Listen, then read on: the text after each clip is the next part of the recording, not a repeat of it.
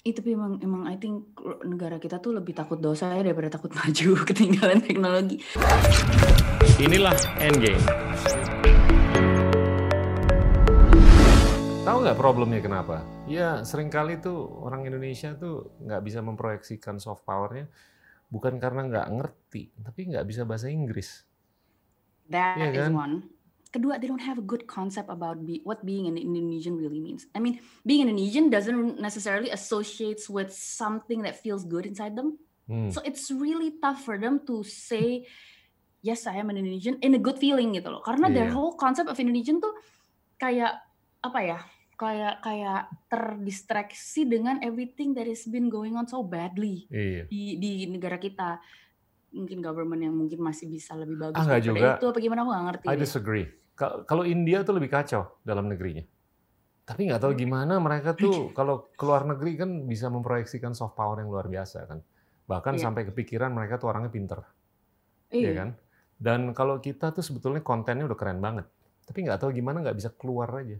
Kalau Korea kontennya keren banget dan mereka Mereka juga bongkok nggak bisa ngomong lah. bahasa Inggris loh. Mereka nggak bisa Apa? bahasa Inggris. Mereka juga lebih Tunggu jelek dulu. bahasa Inggris dari kita. Tapi kalau kita lihat pemain-pemain LPGA di golf tour yang yang Uh-uh. female, itu mereka habis-habisan berupaya untuk bisa bahasa Inggris. Hmm. supaya bisa di apa ya di legitimize bisa diakui Aku dan percaya sih, kalau kalau di lapangan mereka udah oke banget dan sekarang kalau kita perhatiin ya K-pop artis juga semakin banyak mereka berupaya untuk bahasa Inggris karena it's it's not because English is the coolest tapi the only way to get validated di international community adalah untuk bisa berkomunikasi dengan bahasa yang diakui di komunikasi internasional nah You itu to- itu iya. harus harus connect tuh kita kan kontennya udah banyak banget kan tinggal gimana ini bisa dipancarkan keluar dengan bahasa yang bisa dimengerti I think we need to learn to gimana sih caranya men- men-translate pikiran kita dengan bahasa yang lebih universal yang bisa dimengerti sama semua Betul. orang dari semua Betul. negara gitu. Walaupun udah ada Google Translate atau apa tapi kalau eh kalau orang-orang kita tuh keluar ngomongnya chill terus enak gitu loh dalam bahasa yang bisa di kayaknya bakal beda. Itu itu bakal exponential soft power generation atau marginal generationnya. Tapi Pak, saya tuh selalu suka iri sama orang-orang yang keluar dari negara-negara yang dulu dikoloninya sama UK. Inggris. Karena mereka is very emang mereka berpikir bahkan dalam bahasa Inggris di, di Iya. sistem pendidikan mereka bahasa Inggris tuh yang yang yang proper banget gitu. Iya. Kita masa dari Belanda nggak dapat sama sekali sih Pak, because kita nggak dikasih sistem jajahan pendidikan sama Inggris tuh sekali. ditinggalkan bahasa yang bisa dipakai dan Sistem birokrasi pendidikan. Iya. birokrasi dan pendidikan. Kalau kita ya nggak usah ngomong lah. Tapi ini Kalau kita Belanda yang boleh sekolah cuma yang anak amtenar doang, yang anak priayi doang. Iya. Iya. Nggak ada sekolah buat sekolah rakyat tuh nggak ada. Yeah, yeah. Okay, then you graduated with a cum laude. Uh, magna atau summa cum laude atau cum laude? Suma kayaknya. Suma, Suma apa? ya? Cum laude, cum laude doang, cum laude doang Pak. Cum laude udah keren. Dengan eh, di S2 di UI, terus balik lagi ke dunia film. balik lagi di dunia film, Oke. eh, saya mulai main dulu dan saya mulai balik ke producing dan film saya pertama kali producing dan yang megang sendiri, I was a showrunner. Itu kemarin guru-guru gokil, Crazy Awesome Teachers yang Ya. alhamdulillah baru rilis kemarin tanggal 17 Agustus eh, dan berhasil tayang di Netflix. Wow. Jadi it's being uh, broadcast in 190 negara dalam wow. Dibahasakan dengan subtitle 190 negara. Ada kayak local title-nya Korea, ada local title-nya Thailand, ada local title. So people that di Belanda tuh bilangnya Verrückter gitu nama nama namanya guru-guru gok. Oke. Kayak Gitu. Eh, ini, ini- film itu desainnya sebenarnya buat penonton Indonesia, Pak. Jadi kita juga nggak ada yang nyangka kok ternyata diambil sama Netflix dan malah kita jadi melihat satu potensi yang kita nggak lihat sebelumnya. Ternyata jangan-jangan ini cerita yang sebenarnya bisa relatable sama teachers everywhere gitu loh Hmm. yang tetap selalu perlu men- menemukan the the first reason kenapa mereka pengen menjadi guru gitu loh. Dan itu Let's let's talk about this. Uh, what what what do you think could be better dengan konten di Indonesia untuk mencerdaskan bangsa? wah ini menarik nih Pak. Saya pernah diskusi sama Nadim mengenai ini. Hmm. Jadi sebelum sebelum kita bikin film guru-guru gokil, saya sama Mbak Shanti tuh uh, brainstorming sama Nadim. Oke. And uh, Setelah Nadim dia jadi menteri atau sebelum, jadi Sebelum. menteri? Oke. sebelum sebelum kayak sebulan atau berapa bulan sebelum dia diangkat. Hmm. Tapi dia punya punya punya harapan besar terhadap konten production di Indonesia karena sebenarnya mestinya yang yang mendikte cara pikir orang Indonesia itu sebenarnya dari kontennya, dari hmm. filmnya yang kita tonton, dari segala macam uh, produksi TV yang kita tonton. Kita perlu punya a better concept about being Indonesian gitu. Apa sih artinya jadi orang Indonesia?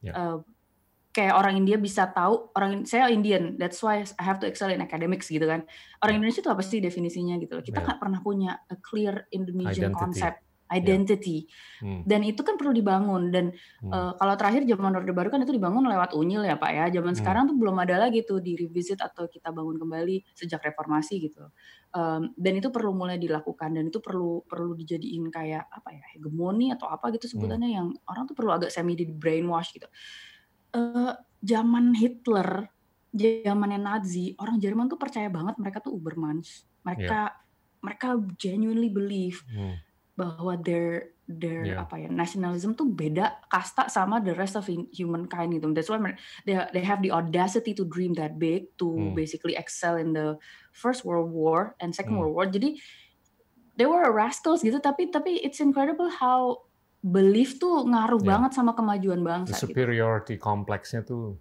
kental banget. Hmm. Kental banget. And I think kita nggak perlu nyampe gila kayak gitu ya. Cuma maksudnya we need to have a good concept. We need to have a good feeling tentang identitas kita sebagai orang Indonesia. Name it. Apa? Satu atau dua atribut yang bisa dibungkus dalam identitas kita. Do do you want or do you want Indonesians to be known as academically smart? Creative. Atau artistically creative? Artistically atau... creative. Okay. I think. Kayaknya Why gitu. not? Why not smart? Nggak apa-apa sih cuma domain untuk bersaing di smart tuh udah banyak aja pak. Orang-orang India orang-orang Cina orang-orang orang-orang Korea orang-orang Jepang tuh pada kiasu semua. Orang-orang yeah. Singapura yang disiplin banget. You know what? Let's lead them be. Kita masuk ke ini aja blue ocean strategy gimana? Daripada masuk ke no but but the the long view hmm. not impossible loh Iya kan? Nggak, ini bukan ini bukan lima tahun ke depan, tapi 50 tahun ke depan atau 25 tahun ke depan, masa nggak mungkin untuk kita bisa dikenal sebagai orang cerdas, orang yang artistik, Kalau zamannya Bung, zamannya Bung Karno ya Pak, zamannya kita belum merdeka, kan ada imajinasi bahwa kita tuh bisa jadi bangsa seperti itu. Karena hmm. yang memimpin tuh sebenarnya imajinasi Bung Karno sendiri gitu loh. Dia yeah. dan dia jago banget membawa dirinya di dunia internasional sampai orang-orang di Amerika, JFK aja semua terpesona ngeliat dia gitu loh. Dan yeah. ada satu konsep about wah gila orang Indonesia ternyata keren dan uh, hmm. uh, affluent sekali ya gitu loh. Betul. Just looking at how he carry himself gitu and fluently speaking so many languages and talking to them in a very apa ya elegant way oh, gitu yeah. loh.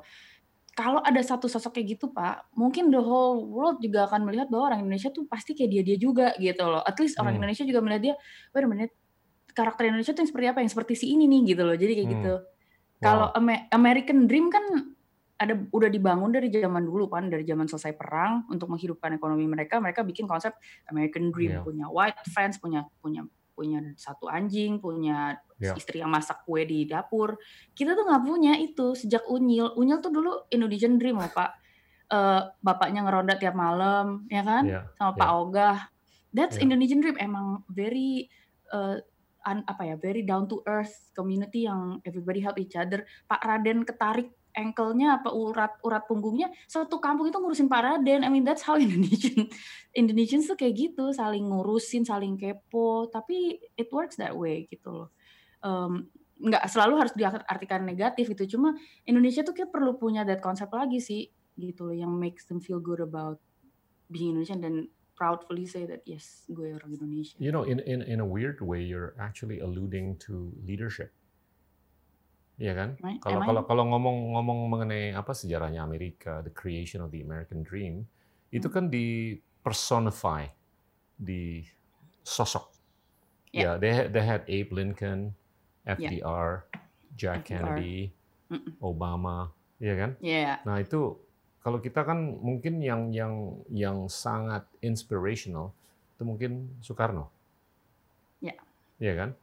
Nah, saya tetap percaya ke depan kalau kita mau beraspirasi, anggaplah untuk dikenal sebagai orang yang cerdas, orang yang kreatif. It's not an impossibility, don't you think? It's not. It's it's it's really not impossible. It it depends on yeah, you you mentioned audacity. you mention tenacity. I'm not sure if you mentioned that. Tapi kalau kita punya hal-hal seperti itu, ya guts saja.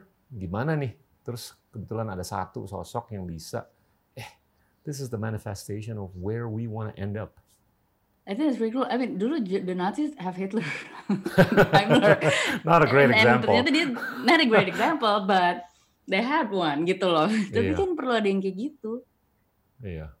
Even it's it should not be a real person. It could also be freaking unyil, a make believe Betul, sosok gitu Betul, loh. freaking unyil. That. eh, gitu loh. Jadi kayaknya that's why saya jadi inspired banget jadi seorang filmmaker karena kayaknya Indonesia tuh sangat haus untuk sosok itu. Sosok yang bisa membantu mereka mengidentifikasi diri mereka sebagai orang Indonesia and feel good about it gitu loh. Kita perlu bikin cerita-cerita Indonesia yang secara nggak sadar masuk ke dalam alam bawah sadar dan membentuk konsep Indonesian dream mereka. Hmm. Jadi eh, I think orang-orang Korea tuh sudah berhasil itu dan terus terang saya belajar banyak dari mereka. Saya nonton Iya. banyak banget Korean drama dan melihat bagaimana bisnis modelnya itu jalan gitu ya. Mereka berani receh, berani norak. Mereka nggak cuma main highbrow pak. Betul. The good filmmakers tuh harus berani merakyat, noraknya tuh harus Hmm. ada gitu loh. Betul. Tapi the message juga jangan hilang, jangan cuma jualan kerecehan doang Betul. gitu loh. Bisa nggak sih kita jualan receh, tapi kayak masak sesuatu yang ber- bergizi tapi dimasak pakai micin gimana sih pak? Betul. kayak Betul. ada something very nutritious tapi Betul. dibungkusnya tuh dengan sesuatu yang easy dan gampang dikunyah gitu. Iya. Itu dream Bollywood saya sih. juga, Bollywood juga norak kan dulu. Iya, Tapi sekarang, cuma my God, it's pervasive. saya tuh ngefans banget sama Amir Khan, Amir Khan's movie Iya. kayak Three Idiots gitu. Iya. Eh, atau eh, apa sih waktu itu PK gitu film yang sebenarnya bertanya tentang hal-hal yang paling susah didiskusikan di masyarakat. Ya. and then dia membuat diskusi publik tentang agama tentang perbedaan dengan packaging yang sangat crunchy gitu. Itu kan itu hebat banget nih saya pengen belajar kayak gitu. Saya pengen marrying idealisme saya sebagai seorang nasionalis dengan eh, seorang businesswoman yang juga harus belajar bahwa kalau mau sustainable ini harus balik modal bro dan bahkan kalau bisa laku dan profitable supaya investor gue nggak kapok gitu loh. Iya. Because I need them, I need their contribution untuk make this roda tetap harus muter gitu. By the way, do you believe in artificial intelligence? Wah, saya That- belum tahu that, banyak that tentang it will actually be a big part of our livelihood. Oh itu percaya sih. Tahu nggak ada perusahaan Mm-mm. yang mana kita bisa taruh chip di kepala dan itu bisa mengelektrifikasi neuron kita Wow. dan itu bisa mengobati banyak sekali penyakit-penyakit. Kalau kita lihat tubuh badan kita itu essentially itu cuma dua hal aja. Satu elektrifikasi, satu zat kimia. Oke. Zat kimia tuh kalau dipengaruhi oleh obat itu yang mempengaruhi perilaku kita, sifat kita. Hmm. Tapi yang satu lagi elektrifikasi itu yang bisa menyembuhkan stroke, eh, menyembuhkan Alzheimer, dementia, eh, deafness atau loss of hearing atau apa pun. Nah itu semua bisa dimanipulasi oleh Hmm. neuron kita dengan elektrifikasi yang di trigger dari chip yang bisa diinstal di kepala kita. And that's coming in a year or two. Di So, Indonesia gitu pak. Di ini ini perusahaan yang dimiliki dunia? oleh Elon Musk ya. Jadi Oh Elon Musk. Ya. Ya, ya, ya. namanya Neuralink. Eh, ini salah satu dari banyak prakarsa-prakarsa di dunia untuk mempengaruhi atau memperbaiki kemanusiaan. So, I'm, I'm Hmm. just I'm just taking this from the earlier point di mana kalau kalau ini dikombinasi dengan anggaplah kalau ada orang yang percaya dengan genetic editing atau genetic re-editing atau synthetic biology, ini kita bisa merekayasa manusia ke depan. Dan itu technically, theoretically, kalau kita mau naikin IQ orang ke seribu, itu bisa dengan Oh, wow. genetic editing. Nah, jadinya kalau Indonesia atau orang Indonesia berpikir bahwa kita nggak bisa dikenal sebagai orang cerdas, I refuse to believe. Hmm. Saya saya justru ngelihat ke depan tuh nggak nggak bukan kemungkin bukan nggak mungkin untuk kita dikenal oleh siapa pun sebagai orang yang bukan hanya kreatif tapi cerdas atau pinter seperti persepsi kita mengenai Korea kayak India kayak China kayak atau Israel kayak atau siapa pun. Don't you think that's cool? Ya, cuma kalau Tapi pakai ngeri, kan? genetic re-editing, kayaknya kecerdasan artifisial gimana sih kayak kecantikan artifisial pak yang baru keluar bengkel, kayak punya anak dari lo kira-kira mirip lo nya nggak ya gitu kan bingung pak. Tapi ini ini udah banyak di laboratorium di dunia. Oh. Nah kalau kalau kalau Jerman itu banyak uh, melakukan namanya synthetic biology. Kalau di China sama di Silicon Valley itu mereka banyak melakukan artificial intelligence. Hmm. Terus di laboratorium di beberapa negara maju itu udah dilakukan banyak sekali genetic editing. Ibarat kata kalau kita mau melahirkan seorang seperti Tiger Woods atau LeBron James besok itu bisa direkayasa supaya dia bisa mukulnya kayak Tiger Woods, bisa ngelempar bola basketnya kayak LeBron atau Michael Jordan atau larinya kayak Carl Lewis atau siapa. Itu it's crazy. Dan itu in the not so distant future. Oh ya. Nah, kalau Indonesia ketinggalan dalam percakapan-percakapan seperti ini, ya wis. Tapi kalau kita ikut, iya kan? Apalagi bukan hanya kita partisipatif, tapi kita proaktif. Ah, I think the future could be pretty scary atau pretty exciting. Gimana menurut Anda? Ini menarik sih Pak, tapi aku nggak terlalu nggak terlalu akrab sama perkembangan teknologi dari segi sains sih. Sebenarnya I'm very fascinated tuh nonton dokumenter tentang hasil dan perjalanannya tapi atau bikin dokumenterinya kali ya. Tapi kalau kalau ini aku nggak terlalu tahu tuh orang Indonesia mau udah banyak yang bisa siap untuk take part in this conversation ya. Belum. I mean, I- I- aku nggak tahu sebanyak itu tentang uh, the komunitas sains di Indonesia. Belum.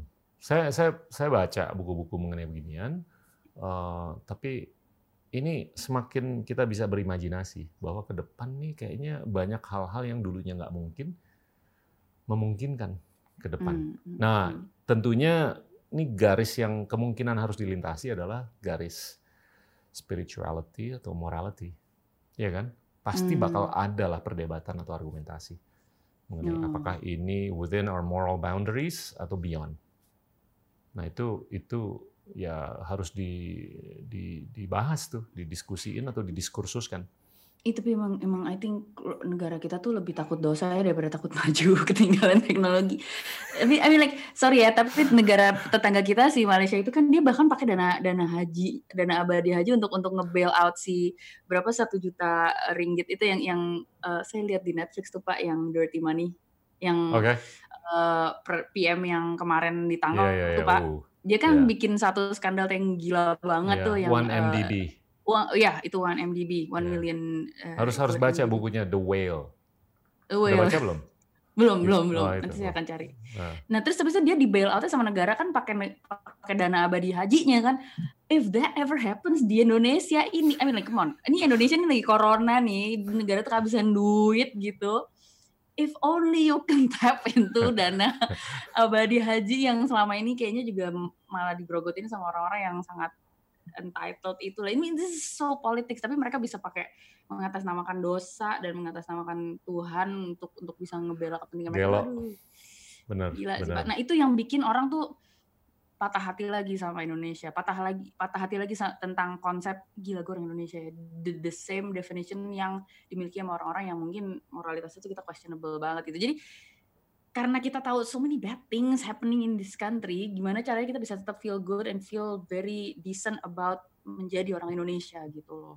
Iya, iya. Perlu lebih banyak cerita jondo jondonya gitu loh yang Betul. yang just I'm just a Betul. normal Joe. I might not be a nggak gue nggak yang sur- surprisingly Iya. excel in everything maybe but hey I, I at least gue orang baik and I feel Iya. good about it gitu loh doing stuff yang gitu finding love find making a family jadi yang simple Iya. stories kayak gitu gitu loh I mean in Americans kan juga they portray themselves like freaking Adam Sandler kali ya. Yeah. You, you watch Adam Sandler movie, you know that you will end the movie with a feel good feeling in your in your Yeah. heart gitu loh. Or Forrest Gump.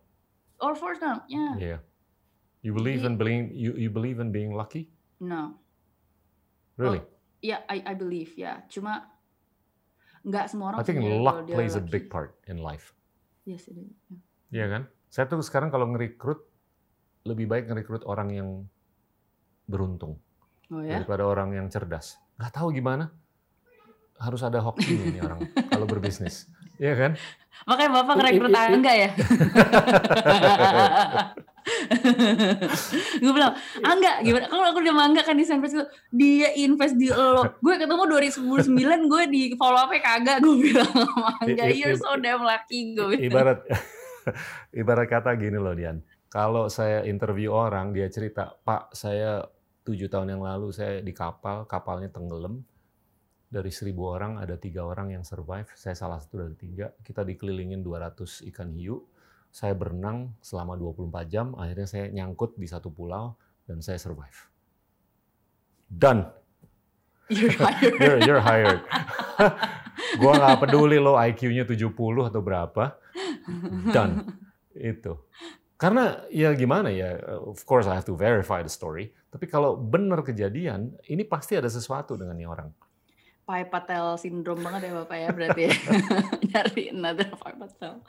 Or the Forrest Gump or Pai Patel. Iya. Anyway, terus uh, ke depan gimana nih Indonesia?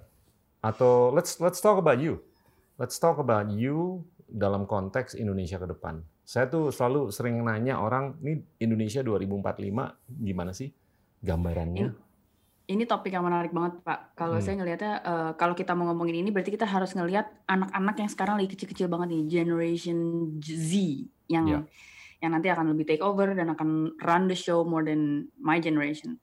Uh, aku tuh punya lumayan a big hope melihat mereka karena hmm. ternyata ada beberapa hal menarik pak yang yang aku temukan tentang mereka yang agak berbeda sama generasi saya. They are more uh, socially uh, aware daripada generasi saya.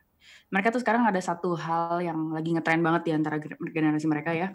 Hmm, generasi anak-anak yang 10 tahun di bawah lebih muda dari saya, 10 tahun 15 tahun lebih muda dari saya. Mereka tuh lebih look up sama anak-anak yang bikin startup yang punya impact sosial. Jadi ada istilah namanya woke. Wow, that's so woke yep. gitu. Yeah. Politically Jadi, correct. Politically correct and hmm. uh, environmentally sustainable. Jadi hmm. mereka hanya akan tertarik dan give value to companies yang lebih hmm. environmentally sustainable, yang sadar dan dan dan making a conscious effort untuk bisa mensupport sustainability angkatan saya, angkatan saya yang yang keren-kerenan tuh jalan-jalan di mall pakai tas Hermes, Pak itu prestasi kalau buat angkatan saya. Jadi secara sadar nggak sadar tuh they thrive to have enough money to buy them the freaking most expensive handbag and and strut themselves in Plaza Indonesia itu angkatan mereka udah gak peduli lagi angkatan yeah. mereka justru lebih lebih begini lebih hands down sama orang-orang yang actually do have money hmm. cuma uh, instead dia choose to pakai MRT use the public transport uh, they do have money but they choose to dress down and then bikin company yang punya impact sosial. Melihat anak-anak yang punya tendensi seperti ini, saya ngeliat berarti wow ternyata hmm, anak-anak Indonesia ini yang mungkin juga udah lebih internationally exposed daripada angkatan saya, yang sudah lebih akrab dengan bahasa internasional seperti bahasa Inggris daripada saya, anak-anak yang udah lebih bisa lebih savvy dalam mengkomunikasikan dirinya dalam platform social digital uh, digital platform. Jadi mereka lebih savvy untuk komunikasi sama orang antar negara, sama yeah. orang, bisa kolaborasi sama nggak cuma sama orang Indonesia doang. I think they're pretty good hope sih buat Indonesia tahun 2045. I think at that time, kalau saya punya imajinasi seperti apakah bangsa Indonesia di tahun 2045 adalah bangsa yang lumayan nyaman menempatkan dirinya di konstelasi negara-negara lain secara internasional yang menghadapi challenges yang sama, pretty much environmental challenges, yeah. climate challenges, climate emergency challenges, after this corona, economic challenges, how to survive and how to resurrect yourself economically hmm. dari the downfall and global downfall ini, I think we have a good shot sih Pak. We just need to remind them, jangan sampai mereka tuh konsepnya tuh putus sama generasi sebelumnya. Itu yang agak-agak yang aku ngeliat tuh perlu dijagain tuh itu. My generation's concept hmm. about Indonesia it, atau about being orang Indonesia itu putus banget sama mereka. Saya kalau meeting sama anak-anak milenial generation sih, I have to use English just to make me feel I'm still bisa diajak ngobrol nih. Because because they're more savvy in, and they think in English gitu loh. Kalau angkatan yeah. saya kan justru lo pakai bahasa Inggris dikit, ah, lo so GBI, lo geng bahasa Inggris gitu. Yeah. Mereka tuh kayak yeah. gini, mereka lebih nyaman untuk berbahasa dengan bahasa Inggris dan dan saya harus make myself lebih up to date sama mereka gitu loh kalau saya mau itu dan kan generation gap itu kan akan selalu ada tuh. Gimana caranya kita memitigasi generation gap ini jangan sampai mereka tuh benar-benar kehilangan their sense of root gitu loh about saya tetap orang Indonesia dan apa sih bedanya orang Indonesia dengan orang Indonesia? Contoh gini Pak, influencer, yeah. blogger, yeah. makeup blogger Indonesia. Hmm. Eh, exactly. Blogger Korea sama blogger Indonesia, apa sih bedanya Pak? Same makeup, that they Iya. use, same makeup style, Iya. same language that they use in caption. There's no differentiation that actually signifies, oh, that's an Indonesian influencer. Oh, that's a Filipino influ- influencer. Nggak ada, mereka semua sama. They're citizens of the world. They they're trying to make sense of themselves sebagai part of this blogger universe gitu. Mereka pengen dilihat sama apa? Tetap dunia pertama, dunia barat. Jadi kita perlu identity sih Pak. Kita Ya. perlu mereka lebih tahu bahwa wearing batik, motif Jawa, gamelan in our jazz tuh it's that's my identity and and wear it with pride. Itu sih yang anak saya lagi hari ini nih ada pelajaran PMP. Anak saya kan sekolah di international school. Oke. Eh, dan saya cukup bersyukur international school yang ini itu masih ada pelajaran PPKN-nya. Wow. Di- dia sekarang hari ini lagi ngafalin itu Pak. Sila keempat yang panjangnya jubilasi Kerakyatan buat orang yang dipimpin di- oleh kepermusyawaratan perwakilan.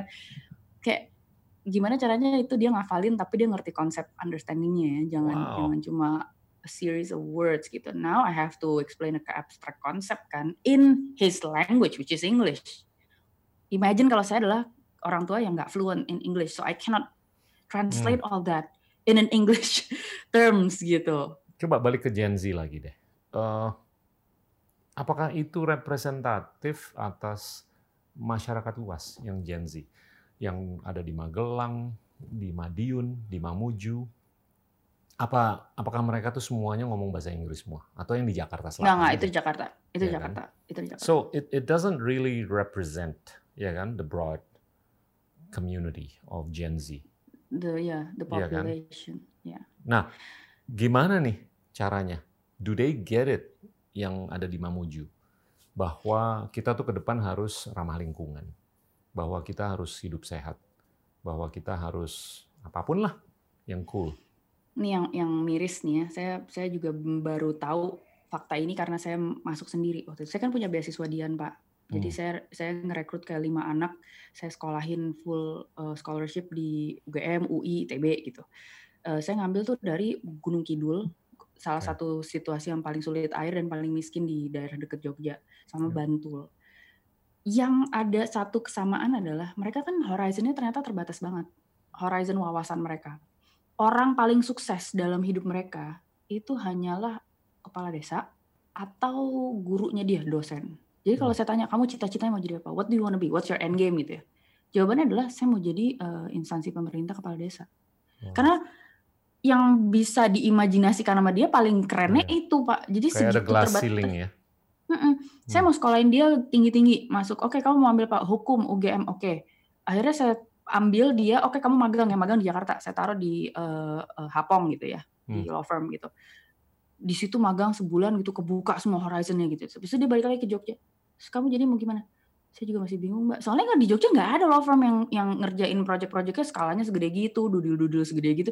Nggak ada. Jadi mereka tuh nggak punya mereka they don't- mereka nggak punya referensi bahwa dunia itu bekerja secara ekonomis sebesar apa, ada industri apa aja. Dalam setiap industri ada pemain company apa aja, mereka semua compete eh, against each other. Dan dalam setiap company itu ada organisme struktur perusahaan seperti apa aja. Dan ada banyak banget posisi dan tanggung jawab yang masih perlu diisi oleh generasi mereka. They don't have any knowledge about that. Sadly, karena pengajar-pengajar mereka juga hardly have that concept gitu loh, secara abstrak pengajar-pengajar mereka juga orang-orang yang selama itu cuma di rumah aja, di desa aja dan ngajar aja dan horizon mereka juga terbatas. Bagaimana caranya mereka mereka mau belajar tentang horizon yang lebih luas kalau pengajarnya juga horizonnya terbatas gitu. Tapi gini loh, kita kan udah punya pipa baru. Namanya smartphones. Lewat pipa ini kan kita bisa salurin banyak konten-konten. Ya nggak? Eh, No, no, no reason not to think bahwa mereka tuh bisa diinspirasikan untuk menjadi kepala negara, untuk menjadi kepala PBB yang lulus dari SMA Gunung Kidul. Ya kan? Kenapa belum kejadian? Kenapa hanya mau jadi kepala desa, kepala desa atau kepala daerah? Gini Pak, saya mau nanya Bapak. Inilah Endgame. Di episode Endgame berikutnya. Kalau if we can remember that pride, remember that idea, this is who we are, this is our identity. Hmm. Kita nggak perlu adopsi definisi atau identitas lain yang dibikinin bangsa lain terhadap kita. Kita Hmm. ingat sendiri siapa diri kita.